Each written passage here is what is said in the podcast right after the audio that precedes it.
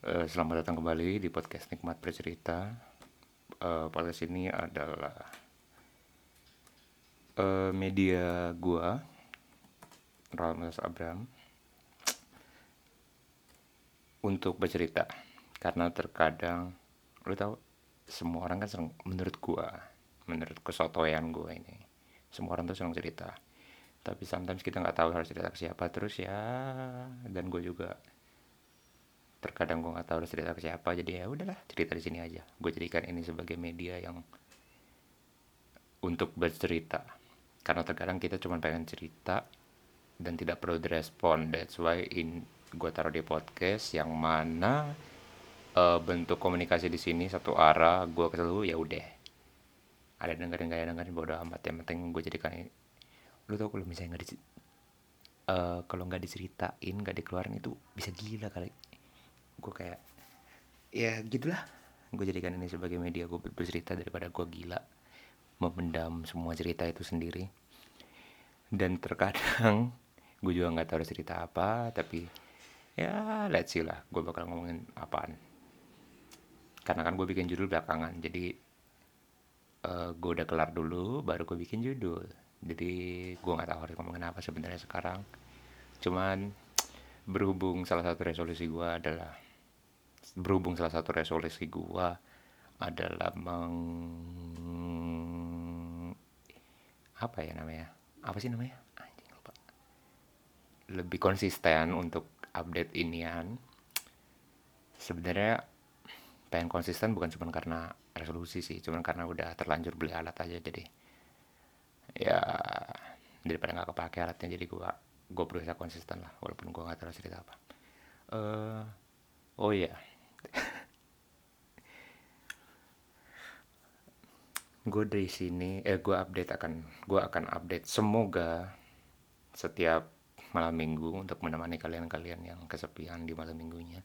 Sebenarnya tidak pasti malam minggu sih gue rekam ya. Cuman gue pasti sharing sharenya uh, distribusinya akan gue lakukan di malam minggu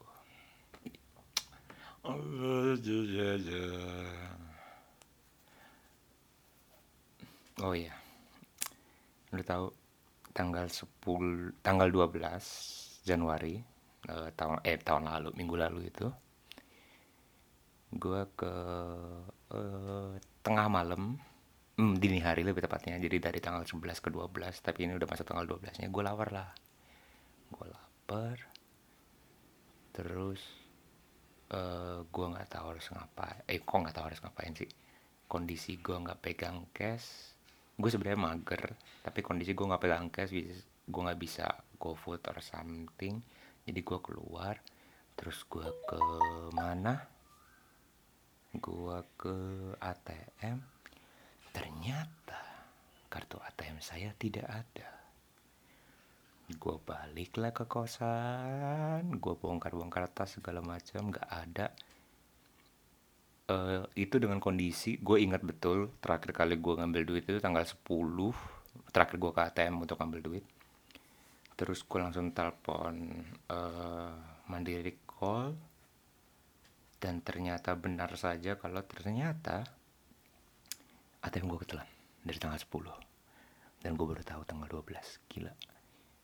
Itu ini sebuah keteledoran yang tidak sebaiknya teman tidak sebaiknya kita semua punya tapi ini gue bener-bener nggak sadar uh, karena kalau misalnya lu punya mandiri kan lu ngambil duit itu kan uh, lu masukin uh, kartu pin segala macam terus kan lu bisa kayak ada maksudnya kayak ada pilihan gitu seratus ribu tiga ribu lu bisa pencet itu atau lu bisa naruh di penarikan jumlah lain. Gue biasa di penarikan jumlah lain karena bisa di maksudnya bisa pin print kan. Kalau maksudnya kalau lu naruh di misalnya lu habis masukin pin ATM segala macam lu langsung naruh seratus ribu gitu lu langsung mencet seratus ribu yang di depan di home utama uh, saldo lu cuma bakal muncul di layarnya. Nggak akan nggak akan ada pilihan print print racing eh, apaan sih itu namanya resi atau apa sih? Ya itulah print kertasnya itu apa enggak gue selalu di penarikan jumlah lain supaya bisa print itu. Karena print itulah yang selalu gue pegang gue taruh dompet juga supaya gue tahu juga duit di ATM gue berapa. Gue taruh situ Nah, tapi kalau misalnya lu dari home utama lu langsung baca 100 ribu misalnya, print printan yang nggak ada, terus kar cuman muncul saldo cuman muncul tapi kartu langsung keluar. Sedangkan kalau lu butuh print-printan itu jadi habis lu mencet terus butuh ngeprint ya re, anggaplah kita kita sebutlah resi lah ya gue juga lupa namanya apa. Mungkin resi memang. Sebutlah ingin cetak resi kayaknya bukan resi ya udahlah ya. Apa enggak ya atau tidak? Ya habis cetak pun akan ada keterangan lagi. Ada lagi nggak? Maksudnya kayak ada lagi nggak yang bisa dibantu segala macam? Nah itu harus tidak dulu baru keluar supaya keluar kartu. Kayaknya gue nggak mencet itulah. Gue nggak mencet. Uh, tanpa sadar gue nggak mencet jadinya nggak keluar kartunya. Terus gue baru sadar tanggal 12 untungnya ketika uh, ketika kartu lu gue nggak tahu sih bang lainnya tapi kalau kayak mandiri ketelan padahal waktu itu habis gue pas ada orang loh. Gila ngeri banget untungnya udah ketelan sih. Uh, kalau misalnya kartu lu ketelan lu itu uh, kalau mandiri sih di tempatku ya kalau di mandiri itu dia otomatis langsung terblokir. Harusnya semua bank juga iya sih. Jadi otomatis terblokir.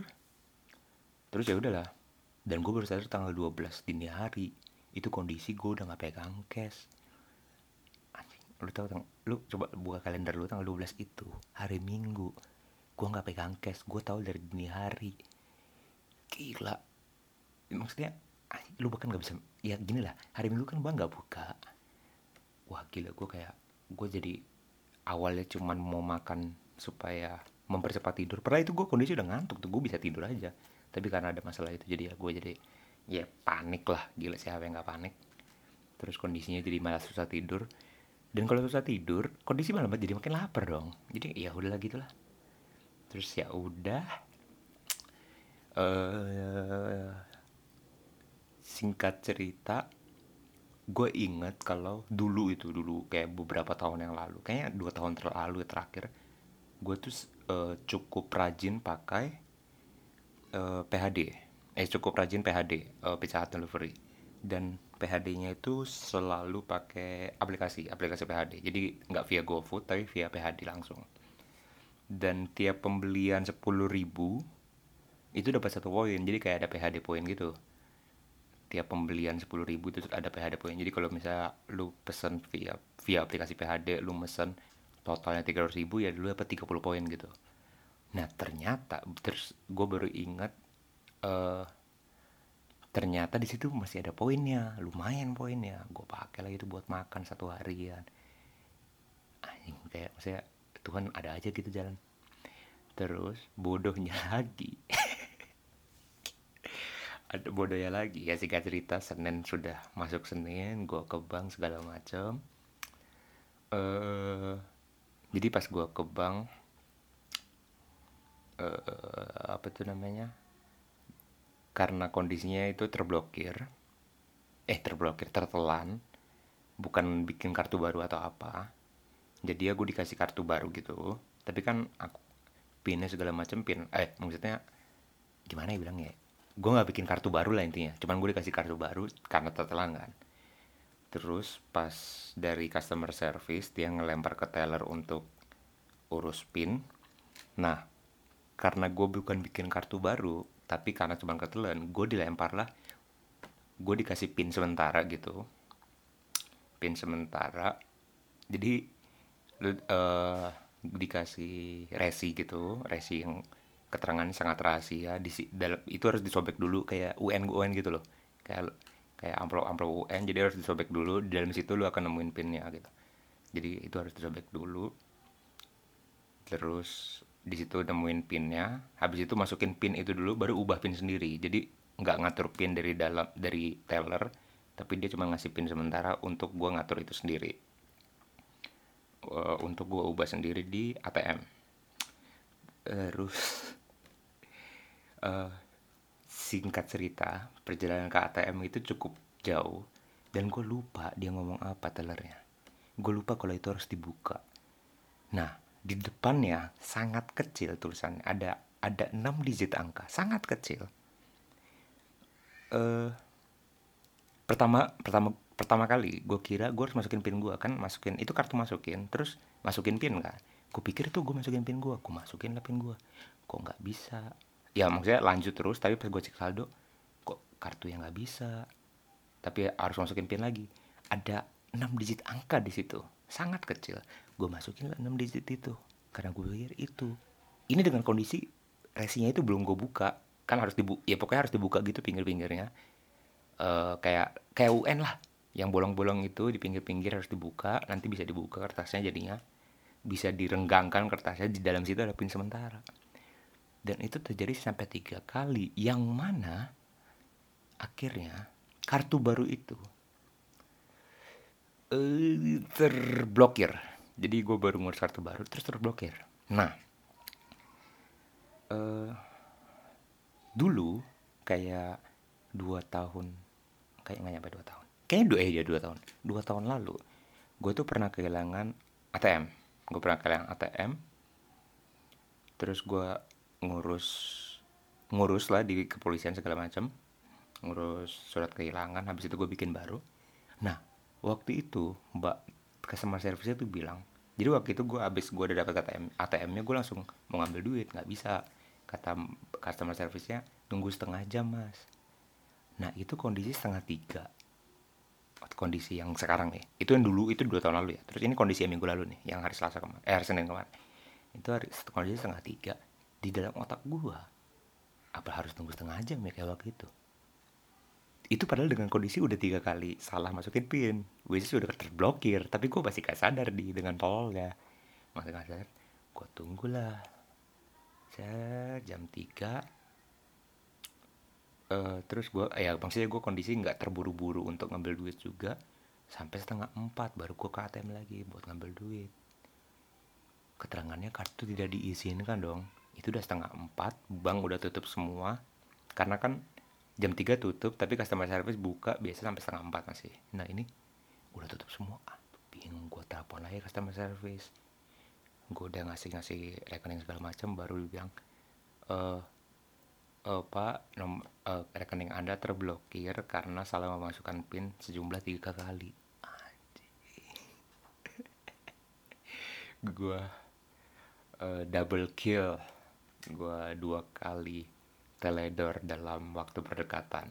Lupa ngambil kartu ATM dan dengan bodohnya tidak membuka resi itu dan tiga kali memasukkan pin yang salah dan membuat kartu baru terblokir terus ya besoknya uh, eh, gue urus kelar semua ya udah.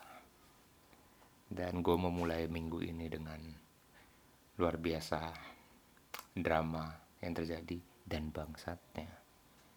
Uh, eh, gue kan domisili gue sekarang kondisi di Surabaya. Lu tahu uh, sampai hari Minggu bener eh sampai hari Minggu sampai hari Sabtu lah Sabtu Minggu lalu itu masih hujan. Hari Minggu itu mendung Senin pas gue ngurus itu ATM panas setengah mati panas. Sampai 34 derajat apa. Selasa juga 30-an derajat jadi kayak gila semesta nggak berpihak buat sama gue tapi ya udah yang penting kelar semuanya. Ya gitu deh.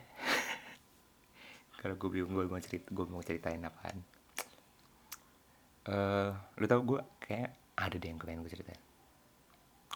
Uh, oh iya kan kemarin cerita tentang insecure ya salah satunya. Insecure berlebihan. Uh, jadi di waktu itu kan gue pengen cerita tentang filmnya Ernest yang imperfect. Jadi imperfect itu ceritanya ceweknya gendut uh, Jessica Mila dia dia kondisinya gendut. Uh, terus dia insek dia biasa aja sebenarnya awalnya. Terus ya satu dua hal membuat dia harus diet. Akhirnya dia diet karena dia mulai merasa insecure dengan badannya. Padahal awalnya biasa aja. Terus pas dia udah kurus pun dia tetap insecure. Jadi kayak insecure yang tidak berkesudahan gitu loh. Jadi kayak ya terus terusan terus terusan uh, kayaknya semua yang kayak gitu terjadi di mana mana ya. Insecure yang berlebihan. Lu pernah mikir gini gak sih? Uh, orang yang punya uang itu eh orang kalau udah terbiasa nggak punya uang misalnya terbiasa bukan nggak punya uang terbiasa hidupnya pas-pasan terus dia punya uang kondisinya kaget dia punya uang banyak terus ketika dia udah punya kondisinya dia sudah punya uang banyak pun dia tetap merasa duitnya kurang padahal dia sudah terbiasa hidup dengan pas-pasan jadi kayak insecure itu kayaknya memang bukan cuma insecure deh yang berlebihan di mana-mana kayaknya kalau memang manusia manusia lah pada umumnya lah ya. Emang hidupnya apa adanya terus mendapatkan sesuatu yang spesial dan kita nggak siap. Jadi kayak shock gitulah cultural kalau misalnya kok cultural shock sih? Cultural shock mah kalau kaget budaya ya gitulah jadi kayak kita kaget dan kaget kita lu kayak ini kayak kayak lu misalnya mafia baru terus lu kan kalau mafia kan cerita-cerita film-film nih cerita-cerita film-film kan mafia kan dapat duit kan dari pakai koper-koper gitu kan nggak via ATM segala macem. Misalnya lu anak buah Al Capone Al Capone. Lu anak buah Al Capone tapi lu masih baru masih newbie gitu baru kerja satu baru kerja satu minggu. Terus lu dapat duit kan perasaan lu kan insecure ya ini ya lu pegang duit ratusan juta misalnya di koper lu ngeliat semua orang seuzon. Jadi gitu kayaknya memang semuanya itu balik ke mindset kita semua yang berlebihan itu balik ke mindset kita sih ya. Kayak gue pernah bahas apa ya tentang berlebihan oh apresiasi berlebihan ya gitu dah gue bahkan nggak tahu untuk mengkonklusi kata-kata gue yang barusan. Gue ngomong apaan sih? Tahu dah. Uh, oh gue tahu mau ngomongnya apa. Ini sempet gue bahas sama teman gue sama teman gue soalnya. Tapi masih layar layar layar atas gitu yang gue bahas. Dan ini membuat gue jadi kayak uh, meneliti lebih dalam lagi ke diriku sendiri maksudnya bukan meneliti ke apa-apa segala macam. Gue ini membuat gue kayak berpikir mencoba untuk memikirkan ini lebih dalam lagi. Jadi uh, gue mau mikir apa ya? Gue mau ngomongin hobi manusia. Hobi manusia. Hobi yang sering dilakukan oleh manusia. Uh, sadar atau enggak hobi yang sering banget kita lakukan adalah bohong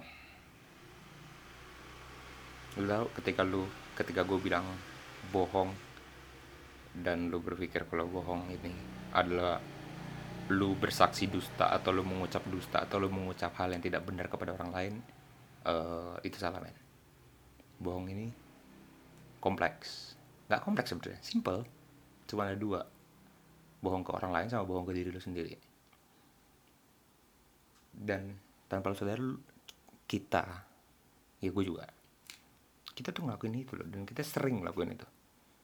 Dan pas gue bilang kita sering ngelakuin itu dan lo mendenial menurut gue itu adalah bukti kalau lo bohong sih sama diri lo sendiri. Uh, ya sering lah kita sering lah ngelakuin itu.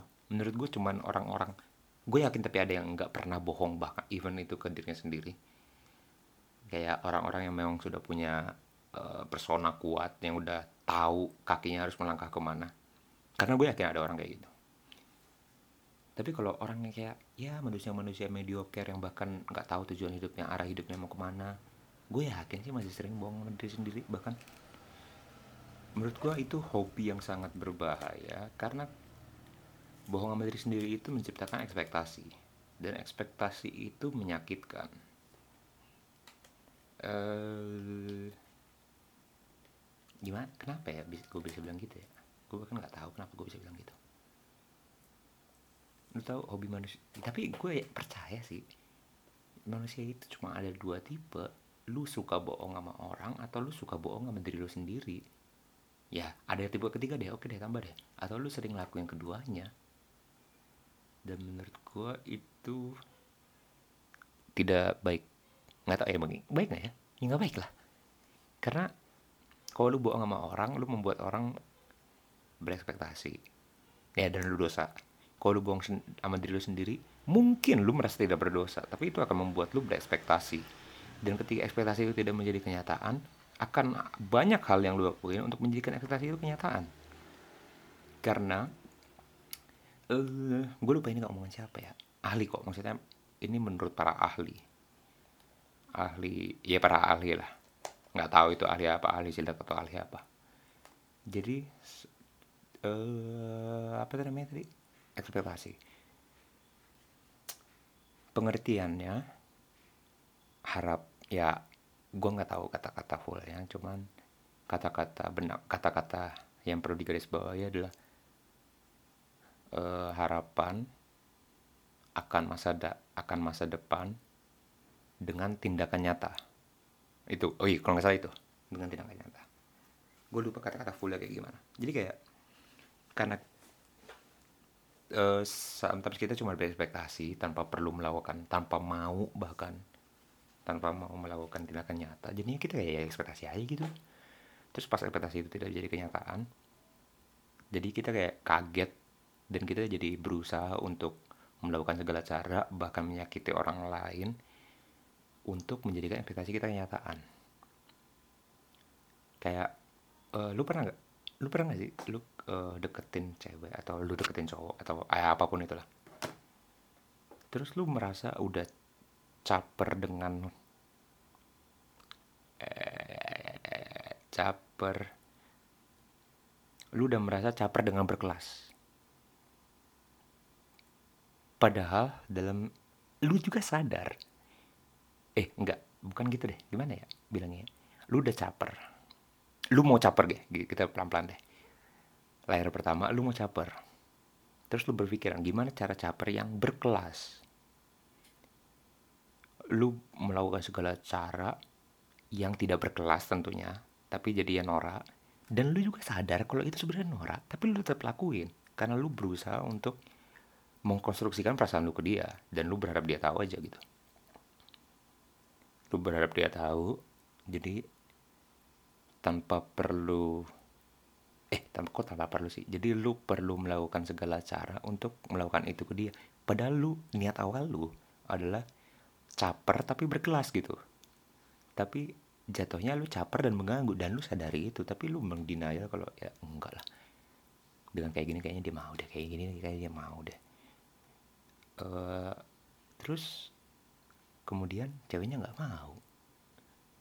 Jadi kayak ya jadinya karena ada ekspektasi di dalamnya terus pas realita ternyata tidak semanis ekspektasinya jadinya lu bingung dan lu akan cari cara lu uh, lu santet kayak eh kok tadi gue dapet ilmu gue dapet ilmu baru yang gue gak tahu selama ini. Sant ada perbedaan santet dan pelet. Santet itu menyakiti pelet itu buat narik kayak lu pelet kayak lu apain kayak uh, karena lu udah terlanjur ekspektasi gitu loh. Nah menurut gue itu bisa tidak terjadi hal seperti itu. Lu bisa untuk tidak melihat orang lain cuma ada dua cara. Satu cara utama cuma ada dua momen cara ini terpakai. Cara utama itu cuma satu jujur. Nah ada dua momen momennya adalah ketika lu udah sadar ini tuh mengganggu lu sadar lah menurut gue uh, lu akan sadar lah. Jadi lu udah jujur ke diri sendiri lu nggak perlu mengdenial karena lu terlalu nafsu sama nih cewek jadi ya lu coba segitunya lu gak perlu segitunya. Atau pas lu udah terlanjur ketolak baru lu jujur iya iya ya kayaknya dia emang gak mau. Jadi kayak gitulah. Jadi momennya adalah setelah kejadian atau sebelum kejadian supaya lu nggak perlu untuk melakukan dalam tanda kutip segala tindakan itu. Ngomong apaan sih gue ya gitulah pokoknya. Menurut gue ketika lu bohong sama diri lu sendiri lu itu akan menciptakan ekspektasi. Ketika tercipta ekspektasi itu akan menimbulkan kebohongan-kebohongan lainnya ketika kalau lu nggak balik ke poin awal yaitu jujur ke diri sendiri. Jadi cuman dengan satu poin jujur ke diri sendiri lu itu bisa uh, shortcut nggak perlu lu nggak perlu menghadapi ekspektasi lu lu nggak perlu menghadapi realita yang ternyata tidak sesuai ekspektasi lu dan lainnya lah pokoknya. Jadi kayak jujur ke diri uh, menurut gue ini wajar sih terjadi di manusia karena kita sudah terbiasa diajarkan untuk tidak berkata bohong bukan tidak berpikiran bohong. You know lu kalau lu terbiasa untuk ya udahlah uh, bahkan dengan atau dengan ajaran tidak berkata bohong pun sometimes kita bohong. Uh, lu tahu white lies gitu? Kayak lu bohong demi kebaikan entah demi kebaikan siapa. Kayak ya menamengi diri sendiri denial dengan kebohongan yang lu buat dan lu akan bilang itu demi kebaikan. Alah bullshit lah ya bohong ke diri sendiri. Terbiasa bohong ke diri sendiri itu nggak baik karena itu akan menciptakan ekspektasi dan ketika ekspektasi itu tidak terjadi itu konklusinya ini konklusinya. Dan ketika ekspektasi itu tidak terjadi lu akan melakukan segala cara demi melakukan ekspektasi itu sehingga terjadi dan lu akan merugikan diri lu sendiri dan orang di sekitar lu. Bahkan lu akan merugikan tujuan ekspektasi lu itu. Padahal itu hanya ekspektasi yang bermula dari kebohongan lu ke diri lu sendiri. Gokil. Keren ya. Gokil. Gue keren banget gila. Gue nggak tahu harus ngomongin apa lagi. Gue ya lu tau gue cuman bahas kayak ginian dan ini habis 25 menit doang. Ya minggu lalu mungkin gue banyak yang bisa gue ceritain karena itu berbulan-bulan. Kalau lu sadar gini ya siapa pun yang dengar ini dan juga dengar yang episode ketiga itu atau apa pun itulah. Dan lu sadari yang kemarin kok bisa panjang kalau nggak salah hampir satu jam dan ini cuma 25 menit. Oh man yang kemarin itu adalah cerita gua. Dua bulan apa satu bulan lebih atau hampir tiga bulan bahkan itu cerita banyak cuma habis dalam lima satu jam. Cerita berbulan-bulan. Dan ini gue cerita buat satu minggu ini cuma habis 25 menit. 26 menit 26 menit 30 detik 31 detik 30 detik kayak gitu. Makanya gue butuh lu tahu? Ya gue bikin ini balik lagi sih ini adalah media gue buat gue sendiri. Gue nggak peduli kata orang. Tapi gue tahu kalau ini eh uh, gue nggak peduli ada yang dengar apa enggak tapi gue tahu ini ada yang dengar. Omongan bacotan gue ini gue tahu kalau ada yang dengar omongan ini dan kalau lu uh, ya mungkin lu cuma denger karena denger aja kali ya. Atau lu denger kepencet terus lu keluarin gitu. Ya gitulah atau lu kepencet terus lu keluarin. Tapi kalau lu emang uh, kalau lu emang dalam tanda kutip niat mendengarkan uh, sehingga lu nggak butuh lu ya niat mendengarkan suara gua yang indah ini yang dilengkapi dengan voice recorder yang yang sudah baik ini kualitas suaranya daripada kualitas suara sebelum-sebelumnya.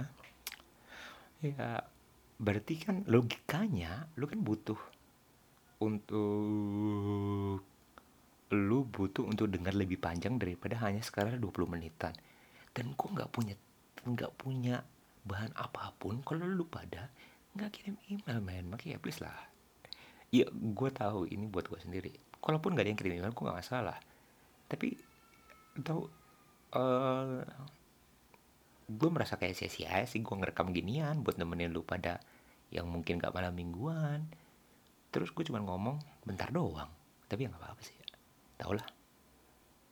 Nggak tau lah gue ya pokoknya kalau lu pada mau email intinya anjing gue gue bisa mengkat beberapa menit terakhir hanya dengan langsung ngomong ini tadi. Goblok banget gue ya Allah. Kalau lu pada mau cerita apa pun itu aib kayak lu mau cerita kayak uh, lu mau tahu uh, perspektif gua tentang apa yang terjadi dulu kayak lu bisa email ke podcast nikmat bercerita at gmail.com uh, lu bisa untuk request tidak disebutkan karena wow tanpa jangan salah. Eh kok tanpa tapi jangan salah? Karena wow jangan salah teman-teman yang dengerin ini ada loh. Jadi kalau lu mau cerita lu tidak tersebar terlalu jauh lu bisa bikin email dengan uh, fake account untuk fake account dengan nama-nama yang nggak penting. Atau lu bisa bisa minta untuk gua tidak menyebutkan nama lu juga ya itu oke okay. tapi kalau lu mau email kalau lu nggak mau email ya udah oke lah. Toh ya ini punya gua. Ya gitulah. So jujur lah cobalah try to be honest sama diri lu sendiri lah. Karena lu percuma jujur ke orang lain hanya demi lu tidak mendapatkan dalam tanda kutip dosanya. Tapi lu bohong ke diri sendiri sehingga menyebab uh, hal yang akan terjadi kemudian lebih panjang dan akhirnya lu juga melakukan dosa. Cuman karena lu gelap mata untuk memenuhi ekspektasi lu jadi ya try to be honest to yourself lah. Penting itu. Kalau enggak gak enak kali hidup sama ekspektasi. Lu pernah gak sih hidup sama ekspektasi? Kayak lu dari kecil terbiasa dijanjikan ini itu. Atau mungkin lu nggak dijanjikan ini itu tapi lu ketika lu juara umum ranking satu atau juara umum satu angkatan terus lu berharap orang tua lu akan beliin apa-apa. Dan karena lu udah terlanjur berekspektasi dan ternyata tidak kejadian lu jadi malas-malasan belajar. Cuma karena ekspektasi. Uh, ya gitulah. Atau kita berekspektasi kalau perang dunia ketiga tidak terjadi dan pas itu terjadi kita manusia-manusia negara negara dunia ketiga ini berusaha melakukan segala cara. Ya elah lu pada mau lakuin apaan? Udahlah nggak usah berekspektasi lah. Mau perang dunia kayak apa? Kayak ya udahlah. Yang terjadi terjadilah. Uh, oh iya tentang ekspektasi dan tentang jujur ke diri sendiri menurut gue dan ini kan uh, ini akan gue share malam minggu. Jadi menurut gue ini akan relate. Salah satu yang terbesar adalah hubungan antar manusia sebenarnya. Ekspektasi ekspektasi lu terhadap manusia lainnya. Kalau ekspektasi lu adalah bar, berupa barang atau apa menurut gue ya itu juga ada hubungan sama orang lain tapi kayaknya tidak sefat uh, bukan tidak sefatal. Tapi kayaknya itu lebih bisa diobati daripada hubungan lu sama orang lain. Kayak lu berekspektasi lu punya teman sekelas. Let's say lu punya teman sekelas lu entah itu kuliah kampus kuliah kampus kuliah SMA SMP SD atau lu punya teman satu divisi kerja lu terus ketika di luar lingkungan biasanya kayak teman kuliah lu lu ketemu di luar kuliah di luar kampus maksudnya lu berekspektasi dia akan dia akan nyapa lu dan kalian akan saling kenal atau apa pun dan ternyata dia tidak melakukan itu dan pastinya lu juga nggak akan ngelakuin itu duluan. Kalau berekspektasi begitu duluan kalau ekspektasi lu itu membuat lu menunggu orang melakukan itu. Padahal baik lagi ke divisi ekspektasi itu adalah ke adalah kata salah satu kata kuncinya adalah tindakan nyata. Jadi terkadang yang membuat kita jatuh sama ekspektasi kita tersendiri karena kita tidak punya tindakan nyata sama ekspektasi itu. Jadi kita hanya ekspektasi ya ngayal babu ngayal babu orang bilang itu jadi kayak ya goblok lah. Ya gitulah pokoknya.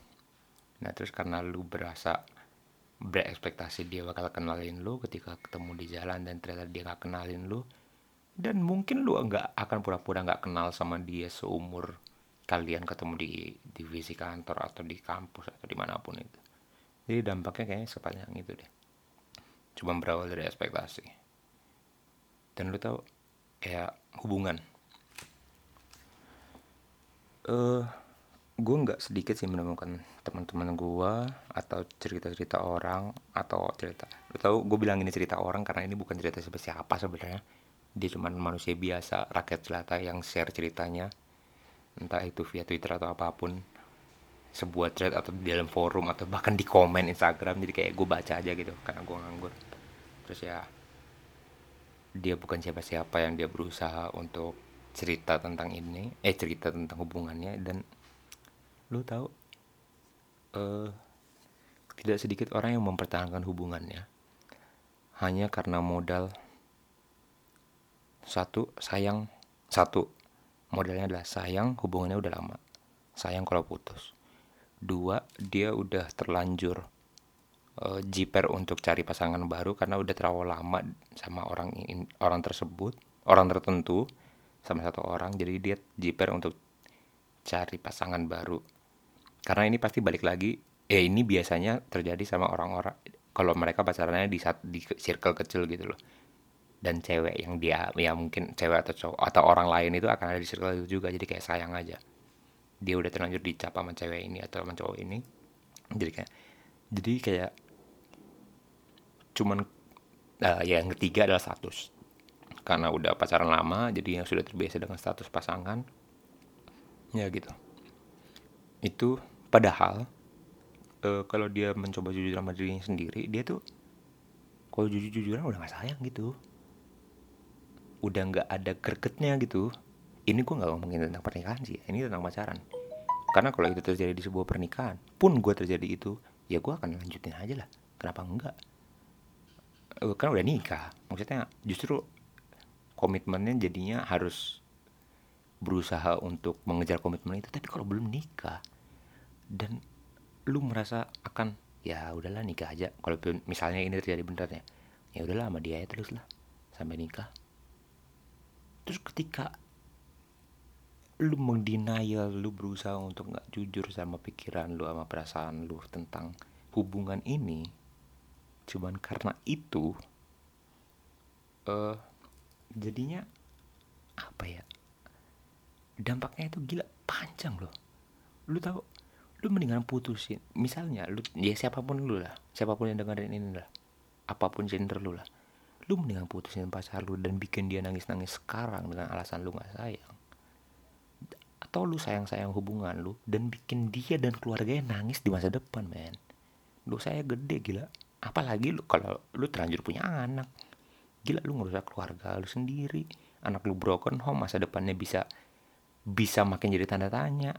Bukannya gue menjudge tapi kan wajar kalau jadi tanda tanya tidak tidak tidak banyak lah orang yang mampu struggle sama hal itu. Yang struggle banyak tapi kayaknya tidak sebanyak sama orang yang gagal sih menurut gue jadi jujur sama diri sendiri penting banget supaya tidak tercipta ekspektasi dan tidak ter terjadi hal-hal yang kita tidak inginkan hanya demi mencapai ekspektasi yang sebenarnya bisa tidak terjadi ketika kita jujur sama diri sendiri. Lingkaran setan bolak-balik di situ aja. Pintu masuknya cuma satu, yaitu jujur sama diri sendiri kalau lu jujur sama diri sendiri lu nggak bakal masuk lingkaran itu tapi kalau lu nggak jujur ya lu akan masuk dan lu akan muter-muter di situ kayak orang goblok oke okay? kalau lu mau cerita kirim email ke podcast bercerita gmail.com nggak pengen cerita ya udah cuman pengen jadi silent listeners ya udah oke okay? Jadi see you on the next on the next story of me Keren. Bye.